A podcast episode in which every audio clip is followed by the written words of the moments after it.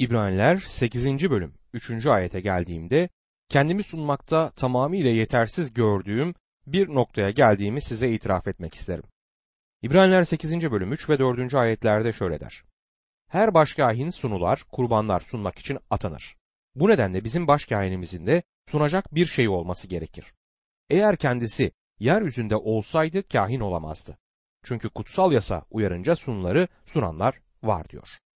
Bu ayetler yazıldığında Yaruşilim'deki tapınağın hala yerinde olduğu ve içinde kahinlerin görevlerini yapmakta olduğu oldukça açıktır. İbraniler 8. bölüm 5. ayette bunlar göktekinin örneği ve gölgesi olan tapınakta hizmet ediyorlar. Nitekim Musa tapınma çadırını kurmak üzereyken Tanrı tarafından şöyle uyarıldı. Her şeyi sana dağda gösterilen örneğe göre yapmaya dikkat et. Tanrı'nın Musa'ya çölde tapınma çadırını kurması için talimatları verirken cennetteki aslının gerçek tapınma çadırının modelini verdiğine inanıyorum.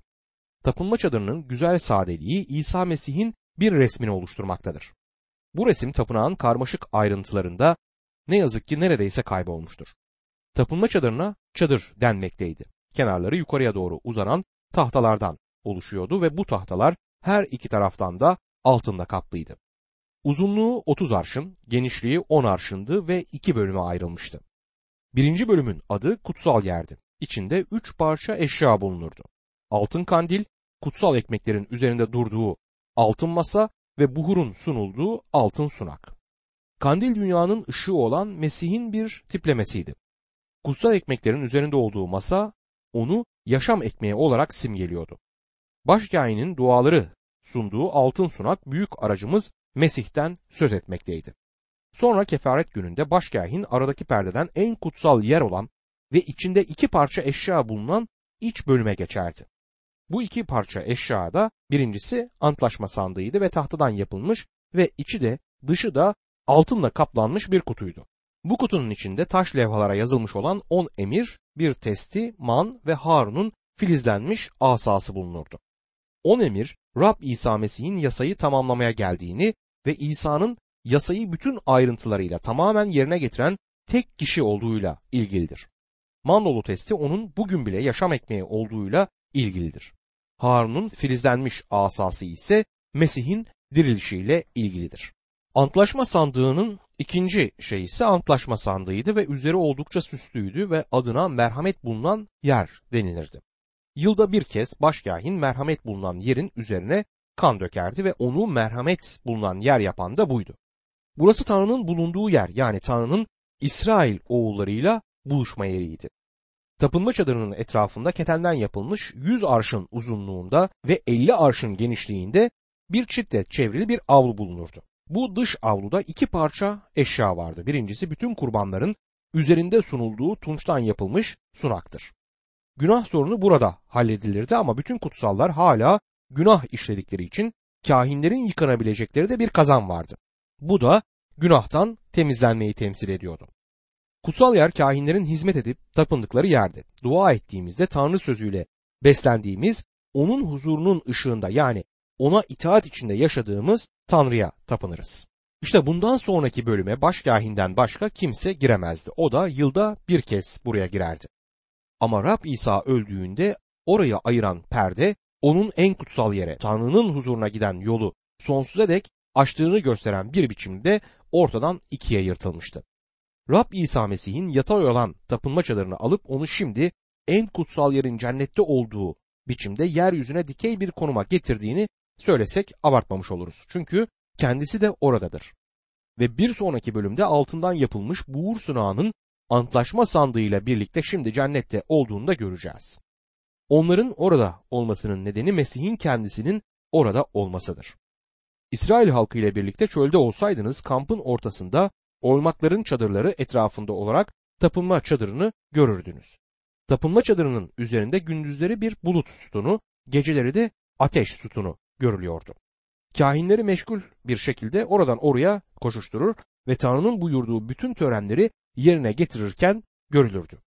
Bütün bunlar gerçeğin bir gölgesiydi. Gerçeğin kendisi ise cennetteydi ve bugün İsa orada cennetsel tapınma çadırında sizlerin ve benim için çalışmaktadır.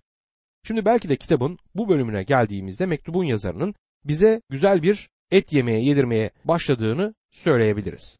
Ama hala bize sanki sütle besleniyormuşuz gibi gelir.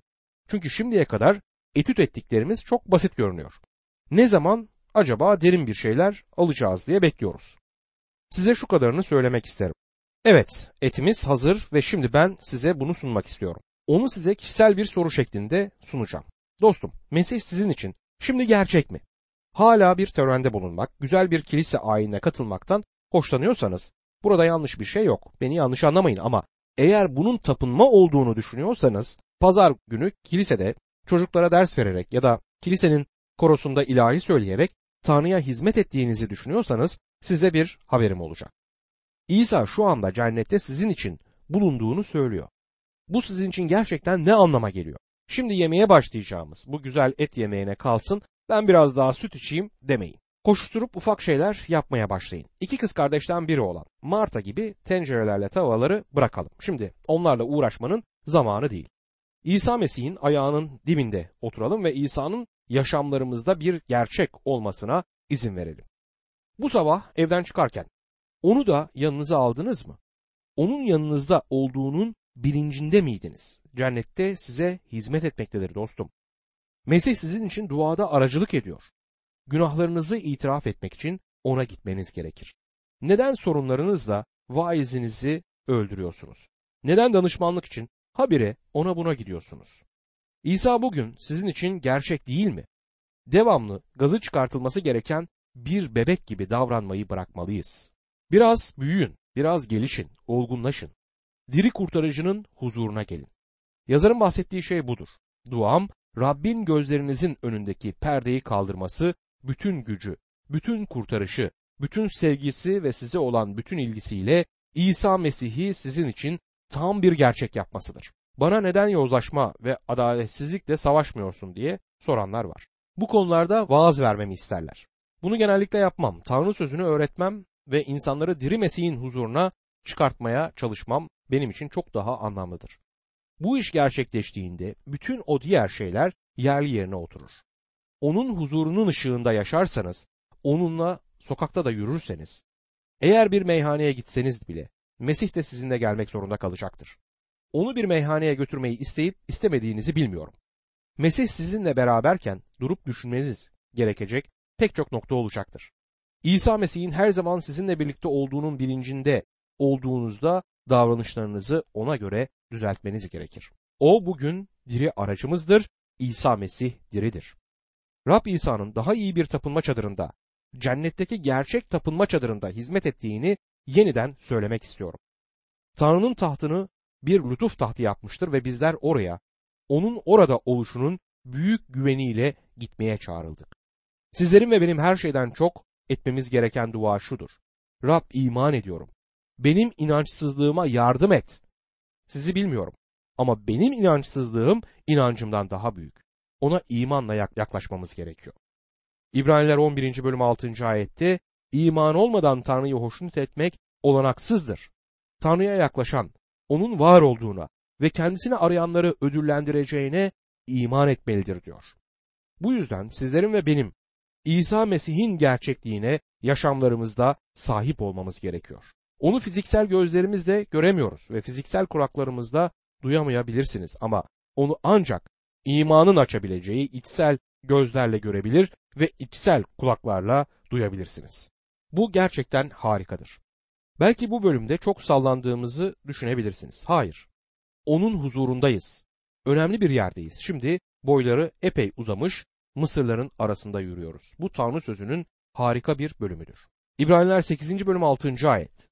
Şimdi ise İsa daha iyi vaatler üzerine kurulmuş, daha iyi bir antlaşmanın aracısı olduğu kadar daha üstün bir göreve de sahip olmuştur diyor. Şimdi bize yeni antlaşmanın eskisinden daha iyi olduğu öğretilecek. Daha üstün bir göreve sahip olmuştur diyor. Burada yeryüzündeki tapınma çadırı yukarıdaki cennetteki gerçek tapınma çadırının bir gölgesiydi. Mesih orada yaşar ve bizleri kurtulmuş tutabilir. Birisi bana kurtuluşunuzu kaybedebileceğinizi düşünüyor musunuz diye sordu. Size itirafta bulunayım. Eğer Mesih şu anda orada olmasaydı kurtuluşumu güneş batmadan önce kaybederdim. Benden ötürü bir sorunu, belki de sizden ötürü de bir sorunu vardır ama Tanrı'ya şükür ki İsa Mesih orada. Ona o kadar çok ihtiyacımız var ki İsa orada olduğu için kurtuluşumu yitirmem. İşte bu dostum Mesih'te olmanın özelliği ve aynı zamanda da ayrıcalığıdır. İsa Mesih daha iyi bir antlaşmanın aracısıdır. Günümüzde bizler İncil olarak bilinen yeni antlaşmaya sahibiz. İncil aslında Tanrı'nın yaptığı yeni antlaşmadır ve eski antlaşmaya bir tezat oluşturur. Tanrı Musa'ya yasayı verdi. Sonra ona tapınma çadırı ve orada yürütülecek hizmetler hakkındaki talimatları verdi. Günahlar orada ele alınmaktaydı. Kimse yasayı yerine getirerek kurtulmuyordu. Kimse Tanrı'nın huzuruna gelip de bütün buyruklarını yerine getirdim. Haydi şimdi beni kabul et dememişti. Bu yüzden sürekli olarak kurbanlar getiriyorlardı. Çünkü Tanrı'nın yasasına karşı gelmişlerdi. Yasa onlara Tanrı'nın yüceliğinden yoksun kaldıklarını hatırlatmaktaydı. Kurban sisteminin tamamı bir gölgeydi. Tanrı'nın kendilerine vermiş olduğu tapınma çadırı gerçek bir tapın, tapınma çadırı olduğu halde Mesih'in bugün hizmet ettiği gerçek tapınma çadırının bir gölgesiydi. Yani daha iyi bir başkâhinimiz, daha iyi bir kurbanımız, daha iyi bir tapınma çadırımız olduğunu görüyoruz. Bütün bunlar tunç sunağın altında bir araya gelirler çünkü Mesih bunların hepsini kapsar. O orada hizmet eden daha iyi bir kahindir, daha iyi bir kurbandır çünkü kendisini sunmuştur ve daha iyi bir tapınma çadırında hizmet etmektedir. Çünkü kendi kanını sizin günahınız ve benim günahım için Mesih dökmüştür. Bu noktada size kısaca şunu söylemek isterim. Mesih'in gerçek kanını cennette döktüğünü düşünüyorum. Meryem'e göründüğünde bunu yapmak üzere olduğunu düşünüyorum. Yuhanna 20. bölüm 17. ayeti sizlere aktarayım. İsa bana dokunma dedi. Çünkü daha babanın yanına çıkmadım. Kardeşlerime git ve onlara söyle. Benim babamın ve sizin babanızın, benim tanrımın ve sizin tanrınızın yanına çıkıyorum. Gerçek kanını cennette sunmaya giderken o anda bizim başkainimiz olduğuna inanıyorum. Ve sonsuzluk boyunca bizim kurtarılışımız için ödediği bedeli bizlere hatırlatmak için orada olacağına da inanmaktayım. Bunu böyle düşünmeyenler olabilir ancak bu bir görüştür ve ben böyle olduğunu düşünüyorum. Ben Mesih'in kanının ne yeryüzünde akıtıldığında ne de cennette sunulduğunda kaba olduğunu sanmıyorum. Kültürlü biri sayamayacağımız Simon Petrus onun kanı için değerli ifadesini kullanmıştır. Yıllar önce kendisine kocasından epey mal mülk kalmış bir sosyete dolu büyük bir vaize yaklaşarak küçümseyerek gözlerinin içine bakıp umarım bir önceki vaizimiz gibi olmazsınız çünkü eski modaydı ve Mesih'in kanını fazlasıyla vurguluyordu. Kan benim estetik anlayışıma aykırı geliyor. Siz de kanın kaba bir şey olduğunu düşünmüyor musunuz diye sormuş. Vaizin ona verdiği yanıt hanımefendi Mesih'in kanında kendi günahım ve sizin günahınız hariç hiçbir kaba yön görmüyorum olmuştur. Ben de bütün kalbimle kendisine katılıyorum.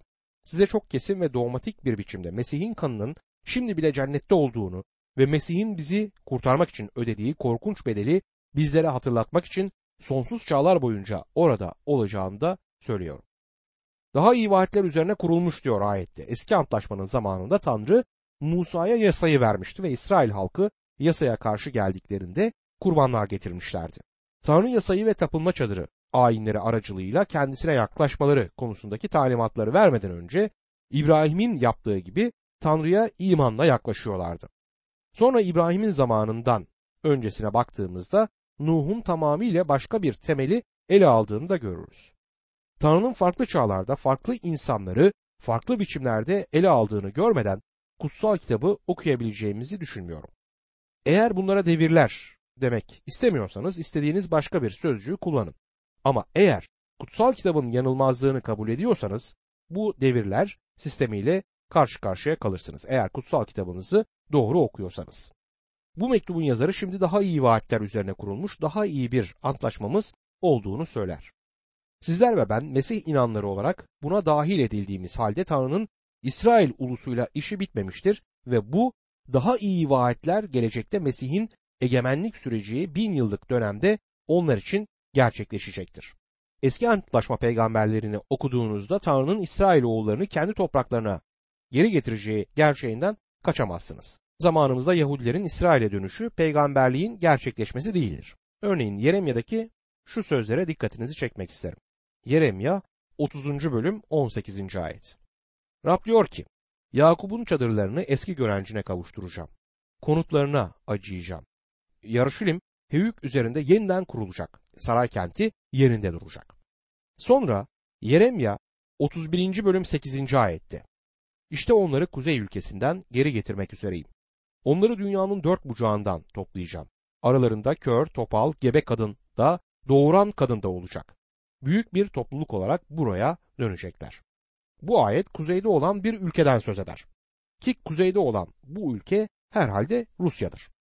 Yahudiler Rusya'dan çıkmakta çok zorlanırlar ama Tanrı duruma el atınca Rusya'dan çıkıp vaat edilen topraklara gitmeleri konusunda hiçbir sorun kalmayacaktır. Yeremye kitabını okumaya devam ettiğimizde Yeremya 31. bölüm 10 ve 11. ayetler şöyle der. Rabbin sözünü dinleyin ey uluslar. Uzaktaki kıyılara duyurun. İsrail'i dağıtan onu toplayacak. Sürüsünü kollayan çoban gibi kollayacak onu deyin. Çünkü Rab Yakub'u kurtaracak.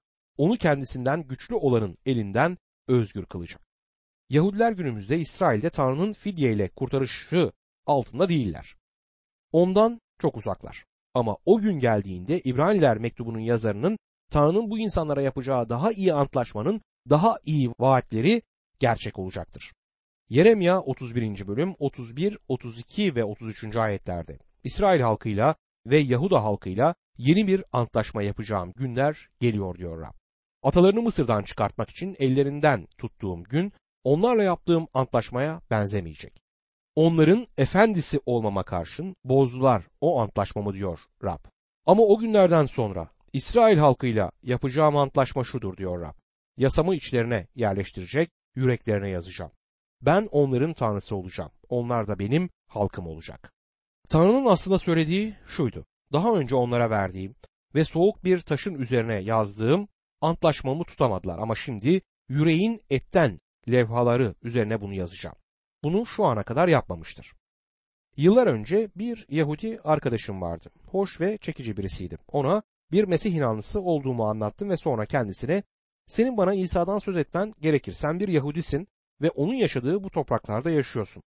İsa dünyanın günahları için öldü. Ben bu topraklarda doğup büyümeyen ve Yahudi olmayan birisiyim. Senin bana İsa'dan bahsetmen gerekirken ben sana İsa'dan söz ediyorum dedim. Sadece güldü. Size şunu söyleyeyim dostum. Yahudiler topraklarında bu vaade göre bulunmuyorlar. Ama bir gün Yeremya'nın peygamberliği gerçekleşecek.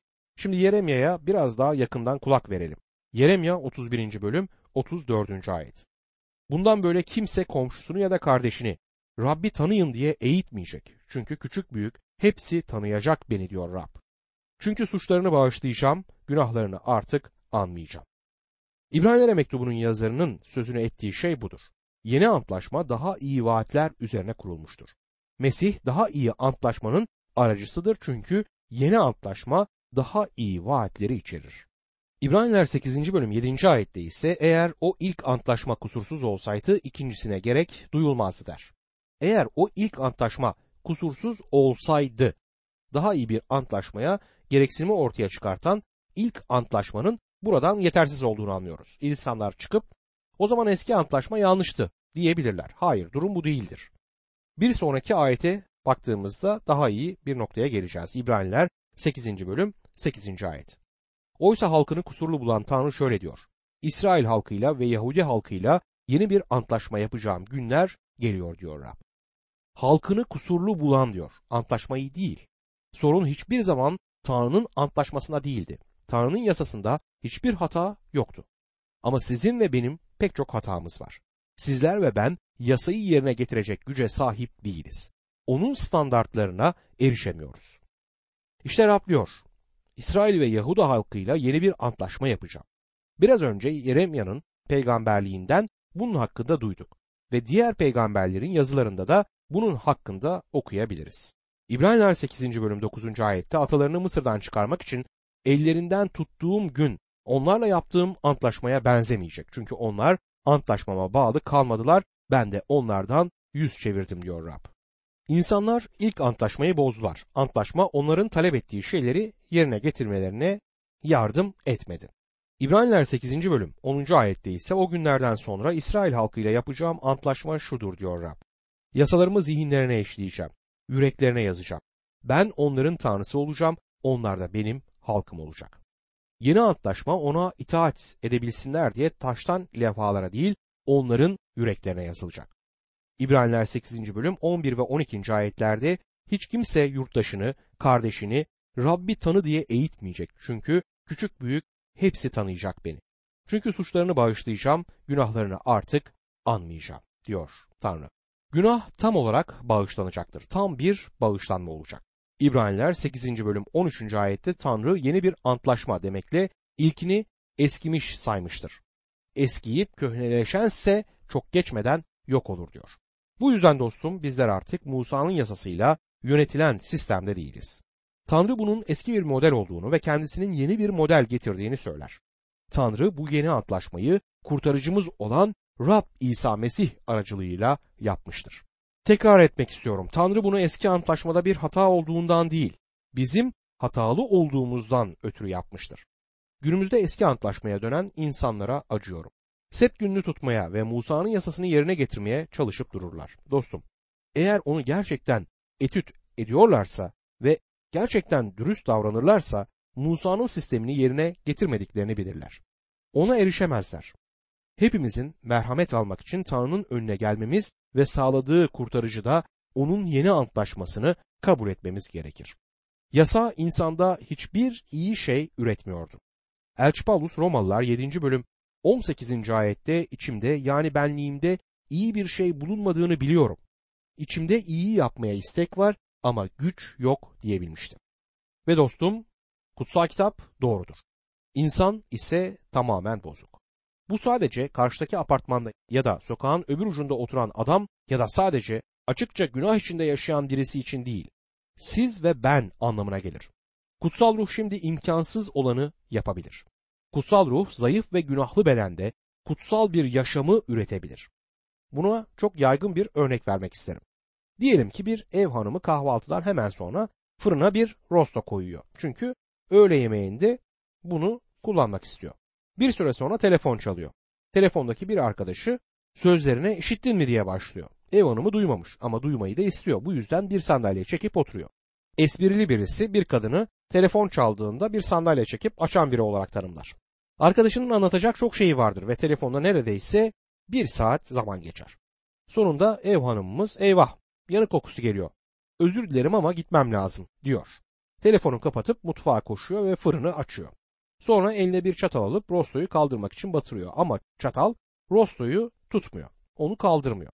Bir daha deniyor kemiğe kadar batırıyor ama yine kaldırmıyor. Bunun üzerine bir spatula alıp onu rostonun altına sokup rostoyu kaldırıyor.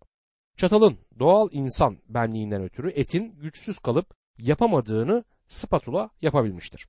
Çatalın bir kusuru yok. İyi bir çataldır ama eti tutmaz çünkü kusur ettedir. Fazla pişmişti. Spatula da çatalın yapamadığını yapmıştır. Yasa doğal insan benliğinden ötürü güçsüz kaldığından çatal gibiydi. Bizi bir türlü kaldıramazdı ama yeni bir ilke bize tanıtılıyor. Bu da kutsal ruhtur. Yasanın yapamadığını kutsal ruh yapabilir. Bu yüzden sizler ve benim bu yeni ilkeye göre kurtulup Mesih inanlı hayatını yaşamamız gerekiyor. Daha iyi vaatler üzerine kurulmuş, daha iyi bir antlaşmamız var. Tanrı bizlere kutsal ruhu ve bizler için duada aracılık eden ve bugün bize yardım etmek için orada bulunan Mesih'i vermiştir. Bu kutsal kitabın harika bir parçası. Süt sizin için yararlı olabilir ve Tanrı sözünün de süt olduğu halde eğer süt içmeyi bırakmak istiyorsanız sütün yanı sıra biraz da et yemeyi öğrenmeliyiz. Et diri Mesih'i onun göğe alınmasını cennette sizin ve benim için duada aracılık ettiğini vurgular. Dostum diri Mesih'e sarıldığımızda oldukça yüksek bir standarda çıkarız. Yaşadığımız çağda bundan daha yükseğe çıkmamız imkansızdır.